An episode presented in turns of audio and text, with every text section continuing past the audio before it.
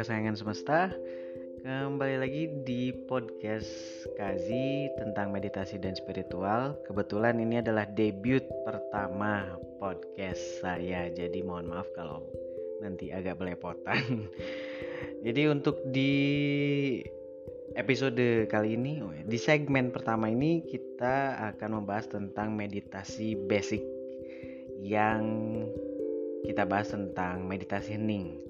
Jadi sebelum kita masuk ke how to-nya, saya ingin menjelaskan bahwa meditasi ini, meditasi hening ini bukan meditasi untuk latihan tenaga metafisik, contohnya atau tenaga uh, dalam yang uh, mungkin banyak dari teman-teman atau praktisi-praktisi spiritual yang lain yang menggunakan metode meditasi ini sebagai uh, latihan metafisik atau uh, tenaga dalam. Jadi untuk uh, mungkin nanti saya akan uh, bikin segmen yang lain untuk meditasi yang itu. Uh, jadi untuk yang sekarang kita meditasi basic dulu, basic yang hening yang memang meditasi ini tidak bermaksud atau tidak bertujuan untuk uh, metafisik atau tenaga dalam yang tadi saya sebutin. Uh, tapi lebih kepada hening. Jadi sebenarnya ada hal yang berbeda dari dua meditasi ini yaitu yang pertama kalau meditasi hening itu secara napas itu tanpa penahanan kalau misalnya yang meditasi untuk latihan uh, physically latihan metafisik itu dengan penapa, pernapasan biasanya seperti itu so yang itu kita skip dulu nah back to meditasi basic jadi meditasi hening ini banyak benefitnya sebenarnya, sangat sangat sangat banyak. Jadi kalau misalnya memang mau searching-searching ke Google atau ke uh, apa platform-platform lain bisa baca. Hanya yang saya ingin utarakan di sini adalah um, benefit yang memang saya sendiri rasakan dan juga rekan-rekan meditator atau para pelaku meditasi uh, yang lain uh, rasakan juga gitu loh. Jadi salah satunya uh, sebelum kita ke benefit, saya akan utarakan dulu how to-nya dulu, oke? Okay? Jadi untuk meditasi basic ini pertama seperti yang kita ketahui biasanya meditasi eh, jadi meditasi. Meditasi ini berposisi duduk. Duduk rileks, intinya duduk rileks. Jadi kalau misalnya ada dari teman-teman yang tidak bisa untuk bersila misalnya nggak apa-apa selonjoran aja. Yang pasti usahakan untuk rileks dan tulang punggung tegak. Jadi kenapa tulang punggung harus tegak? Agar aliran darah di tulang punggung atau sumsum -sum itu e, mengalir lancar jadi nggak bungkuk atau nggak terlalu nggak terlalu apa ya namanya melengkung ke belakang gitu jadi tegak, tegak dan rileks intinya seperti itu. Jadi ketika sudah rileks, kita fokus ke napas. Jadi keluar masuk, hidung lewat hidung, tarik, buang. Jadi tanpa ada penahanan. Kalau misalnya yang baru mau mencoba untuk meditasi, bisa dimulai sehari 5 menit itu cukup. Uh, biasanya ada pertanyaan yang uh, kak kalau misalnya meditasi itu apakah harus mengosongkan pikiran? Saya jawab nggak nggak harus. Dan uh, itu merupakan informasi yang totally salah saya uh, saya bilang saya berani bilang itu totally salah. Kenapa? Karena yang namanya pikiran itu pasti selalu berjalan selama kita hidup. Jadi kalau misalnya pikirannya kosong ya kalau di film-film kan suka gitu kosongkan pikiran gitu kan. Padahal e, nyatanya nggak seperti itu gitu loh. Yang namanya mengheningkan pikiran itu bukan artinya harus kosongkan pikiran. Karena kalau kosong ya artinya kita mati. Selama kita hidup gelombang otak itu pasti berjalan naik turun gelombangnya vibrasinya selalu ada frekuensinya selalu ada yang artinya adalah pikiran pasti uh, nggak bisa hilang, selalu ada. Hanya kita di sini adalah mengontrolnya. Yang artinya adalah, jadi ketika misalnya meditasi, biasanya selalu ada yang bilang, Kak, ketika saya meditasi, pikiran tuh ke mana-mana gitu loh. E, jadi ada aja tiba-tiba mikirin apa, ada lagi tiba-tiba mikirin apa. Nah, kalau misalnya itu terjadi, biasanya selalu terjadi kepada uh, yang baru-baru atau pemula yang baru nyobain meditasi. Biasanya selalu terjadi. Jadi kalau misalnya kalau misalnya teman-teman ketika meditasi tiba-tiba pikiran uh, muncul, uh, maksudnya apa ya? Uh, pikiran kacau jadi ke sana ke sini gitu loh, lari-lari. Usahakan untuk kembali ke napas fokus ke napas. Jadi perhatikan keluar masuk napas. Misalnya muncul lagi pikiran, fokus lagi ke napas. Terus saja gitu. Jadi ketika muncul pikiran, bawa lagi ke napas, bawa lagi ke napas, bawa lagi ke napas. Yang sampai akhirnya nanti ketika terbiasa akan muncul titik hening. Nah, apa itu titik hening? Seperti apa rasanya? Hanya bisa dideskripsikan oleh Anda-anda yang sudah bersaksi. Bersaksi, arti dari bersaksi di sini adalah Anda merasakan, Anda mendengar, Anda jadi seluruh indera di dalam diri itu benar-benar uh, ngerasain gitu loh. Jadi sampai susah dideskrip, dideskripsikan ya, yang gitu gitu rasanya gitu. Uh, kalau misalnya pengen tahu rasanya ya just praktek aja gitu. Oke itu untuk uh, hening. Uh, coba bi biasanya kalau kalau misalnya memang ingin dapat uh, benefit nggak harus lama jadi sehari aja misalnya bangun tidur atau sebelum tidur 5 menit aja cukup kalau misalnya belum terbiasa untuk sampai 30 menit atau senyamannya pokoknya senyamannya nggak harus 5 menit. Nggak harus 5 menit pakai alarm enggak tapi senyamannya aja. Jadi kalau misalnya nyam, nyamannya 5 menit kok saya nyamannya bentar? Nggak masalah. Saya nyamannya lama nggak masalah. Yang penting senyamannya senyamannya anda gitu. Nah eh, kita lanjut ke benefit yang paling kentara yang biasanya kenapa saya bisa menyimpulkan apa yang ingin saya sampaikan adalah karena tidak hanya satu dua orang yang akhirnya share kepada saya uh, tentang apa yang mereka dapatkan secara mental, secara kesehatan khususnya, secara uh, emosi itu sangat banyak. Jadi uh, saya berani menyimpulkan ini tidak berdasarkan uh, teori-teori yang sudah ditulis di Google. Memang yang ditulis di Google atau di platform lain itu berdasarkan riset. Tapi saya pun mencoba untuk share di sini adalah berdasarkan riset saya pribadi gitu loh yang notabene adalah orang-orang sekitar dan juga eh, teman-teman di grup meditasi. Jadi uh, benefit pertama yang biasanya yang biasanya rekan-rekan saya sampaikan uh, untuk mereka yang baru pertama meditasi adalah pola tidur. Jadi biasanya ada yang sulit tidur atau tidurnya gelisah atau tidurnya bang kebangun-bangun atau bahkan ketika tidurnya nyenyak tapi ketika bangun misalnya masih capek dan lain sebagainya ini mereka uh, memberikan apa ya uh, hasil lah sharing gitu kan sharing dengan apa yang memang mereka rasakan. Adalah mereka tidur cepat misalnya mereka mereka beneran lelah mereka tidur cepat nggak nggak ada kesulitan tidur dan tidur itu sangat nyenyak dan ketika bangun segar. Itu yang pertama. Terus yang kedua adalah biasanya kalau misalnya sudah lama kalau yang saya kalau yang saya pernah rasakan adalah ketika saya mulai meditasi rutin selama 30 menit per hari selama satu bulan yang terjadi adalah pola makan.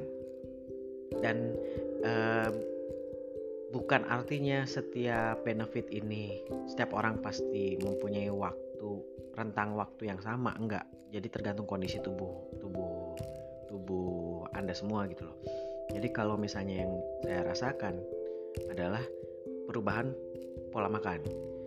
Termasuk rekan-rekan saya juga yang notabene adalah praktisi meditasi. Pola makan ini maksudnya seperti apa? Jadi pola makan yang di sini adalah pemilihan nutrisi. Jadi kadang ada hal yang lucu ketika misalnya uh, misalnya biasanya biasanya makan nasi satu bakul misalnya. Tapi ketika saat itu tiba-tiba mulai saat itu tiba-tiba hanya setengah. Atau bahkan jadi nggak mau nasi sama sekali. Atau bisa jadi pindah ke nutrisi makanan yang lain. Contoh misalnya seperti saya. Saya saat itu benar-benar uh, makan jadi satu perempat satu perempat porsi yang biasa saya makan. Dan nggak bisa lebih dari itu. Selain itu ada makanan yang memang uh, saya cari. Jadi tubuh tubuh saya tuh kayak semacam nggak akan pernah kenyang kalau misalnya nggak nemuin sesuatu itu gitu loh. Dan waktu itu saya belum paham tubuh saya tuh kenapa sih mau apa sih. Tapi ketika mulai paham bahwa oh ini tubuh mau komunikasi. Karena bias karena apa yang selama ini kita lakukan adalah kita selalu lupa dengan tubuh untuk yang meditasi atau spiritual banyak uh, sorry loncat. Untuk para orang yang ingin masuk ke spiritual atau meditasi biasanya mereka loncat. Loncatnya maksudnya apa? Mereka langsung ke dalam dalam arti langsung ke jiwa. Jadi pengen tahu who am I gitu loh. Tapi mereka melupakan apa yang memang terlihat yaitu jasad. Nah salah satunya adalah soal pola makan. Jadi tubuh kita nanti akan seperti berbicara tapi tanda kutip ya. Memberitahu dengan bentuk intuisi atau feeling atau misalnya eh, ketika lihat makanan kok yang itu nggak mau atau mau? Nah yang seperti itulah. Tiap orang beda-beda ya. Tiap orang beda-beda nggak bisa sama. Jadi untuk pola makan bukan artinya jadi diet ketat. Tidak tapi apa yang tubuh butuhkan. Misalnya tubuh butuh vitamin C. Nutrisi yang lain udah udah terpenuhi dan kita butuh nutri, nutrisi vitamin C contohnya. Nah, tubuh biasanya tidak akan merasa kenyang atau merasa hambar kalau tidak menemukan nutrisi vitamin C, nutrisi yang dibutuhkan oleh tubuhnya. Dia akan selalu nyari dan ketika sudah terpenuhi, selesai sudah. Ini kembali kepada uh, kodrat, kalau bisa dibilang kodrat. Kodrat tubuh manusia yang sebenarnya bukan 4 sehat 5 sempurna, tapi menyesuaikan dengan nutrisi apa yang dibutuhkan oleh tubuh. Oke, paham sampai sini?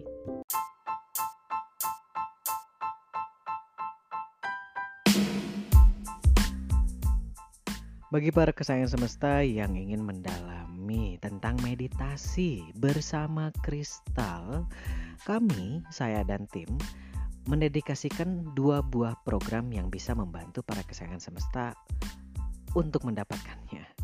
Jadi untuk program pertama, namun ini masih basic, yaitu Crystal Self Potential Manifestation bersama saya. Jadi CSPM Basic adalah program pendampingan bagi yang ingin mengoptimalkan potensi dan pengenalan diri yang terbantukan oleh kristal yang merupakan warisan nanoteknologi leluhur dengan tujuan keselarasan semesta besar, alam, dan kecil, tubuh yang dibantu meditasi hening bersama kristal, di mana selama ini pikiran dan tubuh tidak terkoneksi secara sadar. Pun pada semesta langgeng atau sang diri sejati atau jiwa.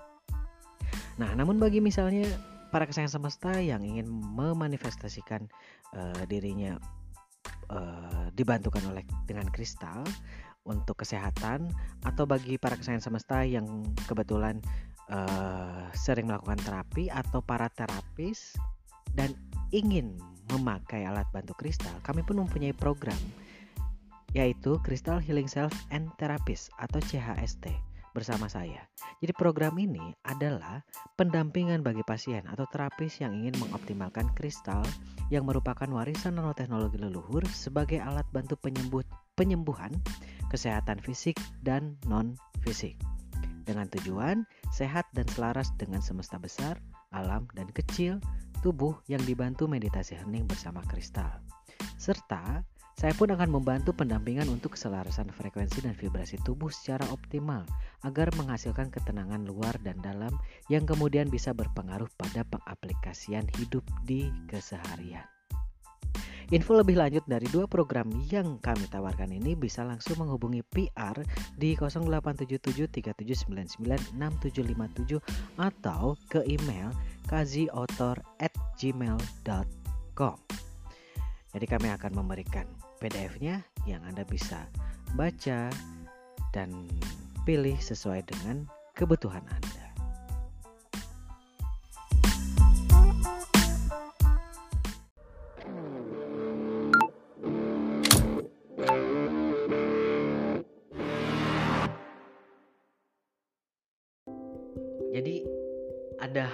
Memang harus kita ganti sudut pandang soal makanan. Karena kalau meditasi kalau rutin ya kalau rutin biasanya ngaruh ke makanan. Karena hampir semua pasti ngaruh ke makanan. Kalau kita mau mendengarkan apa yang memang tubuh minta itu eh, garis bawahinya. Kalau misalnya tubuh butuh hmm, karbohidrat misalnya nasi berarti nasi. Atau eh, singkong gitu kan. Tubuh akan nyari itu. Dan kadang nggak peduli yang lain nggak. Dan jangan khawatir jangan khawatir aduh misal misalnya misalnya tubuh cuman butuh vitamin K atau misalnya protein lah jangan vitamin protein. Berarti kan daging dagingan daging tahu gitu kan. Ya kedelai tempe eh, kacang-kacangan. Jangan pernah khawatir jika misalnya tubuh itu membutuhkan nutrisi yang X nasi atau tanpa nasi nutrisi yang tidak dipunyai oleh nasi. Jangan pernah takut, karena yang tahu tubuh, yang tahu kebutuhan tubuh, ya tubuh itu sendiri. Pertanyaannya adalah apakah kita mau mendengarkan tubuh? Nah, benefitnya apa sih benefitnya ketika kita mendengarkan uh, dengan meditasi ini? Akhirnya kita bisa mendengarkan tanda kutip keinginan tubuh, kebutuhan e, nutrisi, makanan khususnya untuk tubuh.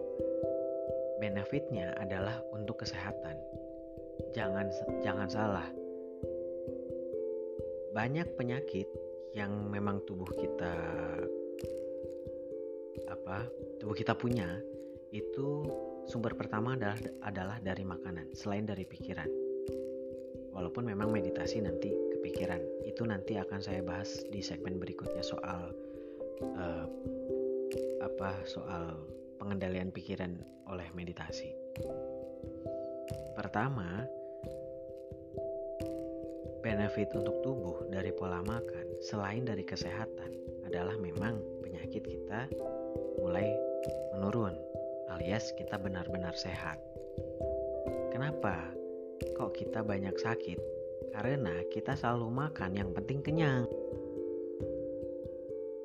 oke okay, 5 5 set apa 4 sehat 5 sempurna tapi apakah nutrisi banyaknya nutrisi itu sesuai dengan kebutuhan tubuh kan belum tentu sedangkan kita tidak tidak bisa untuk mengecek ke dokter dok tubuh saya kekurangan nutrisi apa kan nggak nggak kayak gitu tapi secanggih-canggihnya ancient Secanggih-canggihnya manusia zaman dulu adalah mereka mengetahui apa yang dibutuhkan oleh tubuh dan kenapa kita yang mengaku modern kok nggak bisa seperti itu?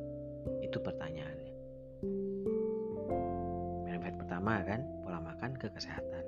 Benefit kedua jangan jangan kaget kalau misalnya tubuh meregenerasi sel itu lebih cepat. Artinya adalah tubuh uh, organ tubuh jadi ada kulit kan ada pokoknya organ tubuh lah sel-sel di tubuh itu mempunyai uh, apa perubahan atau regenerasi berbeda-beda. Yang paling lama adalah adalah 25 hari. Anggaplah semua sama, 25 hari satu kali tubuh rusak, mati dan diganti yang baru. Oke. Nah, kalau misalnya ketika pergantian sel tubuh yang baru, artinya tubuh memerlukan nutrisi tertentu untuk melahirkan atau membuat sel yang baru, menggantikan sel yang lama atau sel yang rusak. Nah, pertanyaannya adalah jika misal jika misalnya nutrisi yang dibutuhkan tidak ada atau tidak mencukupi untuk perubahan sel yang baru, artinya jangan salah kalau misalnya tubuh, sel-sel tubuh, organ-organ tubuh, tubuh kita menjadi cepat tua. Dengan cepat tua, otomatis ke kesehatan lagi jatuhnya. Makanya jangan salah, kok ada orang misalnya usia segini ternyata masih muda, kelihatan tua gitu. Atau misalnya sebaliknya, kok dia udah 50 tahun kok masih kelihatan muda. Nah, kembali ke pola makan. Itu benefitnya. Jangka panjangnya adalah Anda bisa panjang umur karena uh, kalau misalnya mau saya bilang karena yang namanya tubuh itu oh enggak deng kayaknya kalau soal ini kita bahas di segmen yang lain. Ya itulah intinya. Intinya dari pola pola tidur pola makan. Jadi saya harap teman-teman yang baru mau meditasi atau baru mengenal meditasi atau yang meditasinya Eh, jarang-jarang, coba rutinkan cukup 5 menit sehari dan rasakan benefitnya terutama kepada tubuh. Jangan terlalu jauh-jauh untuk bisa mengenal diri, jauh-jauh ke dalam ke jiwa. Kita kenali dulu jasad. Karena banyak yang bertanya kepada saya, Kazi, kok kamu bisa reprogramming DNA? Ini akan saya bahas di segmen yang mungkin nanti masih jauh. Kok Kazi bisa reprogramming DNA?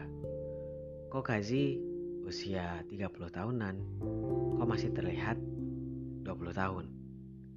Bagaimana caranya? Bagaimana caranya?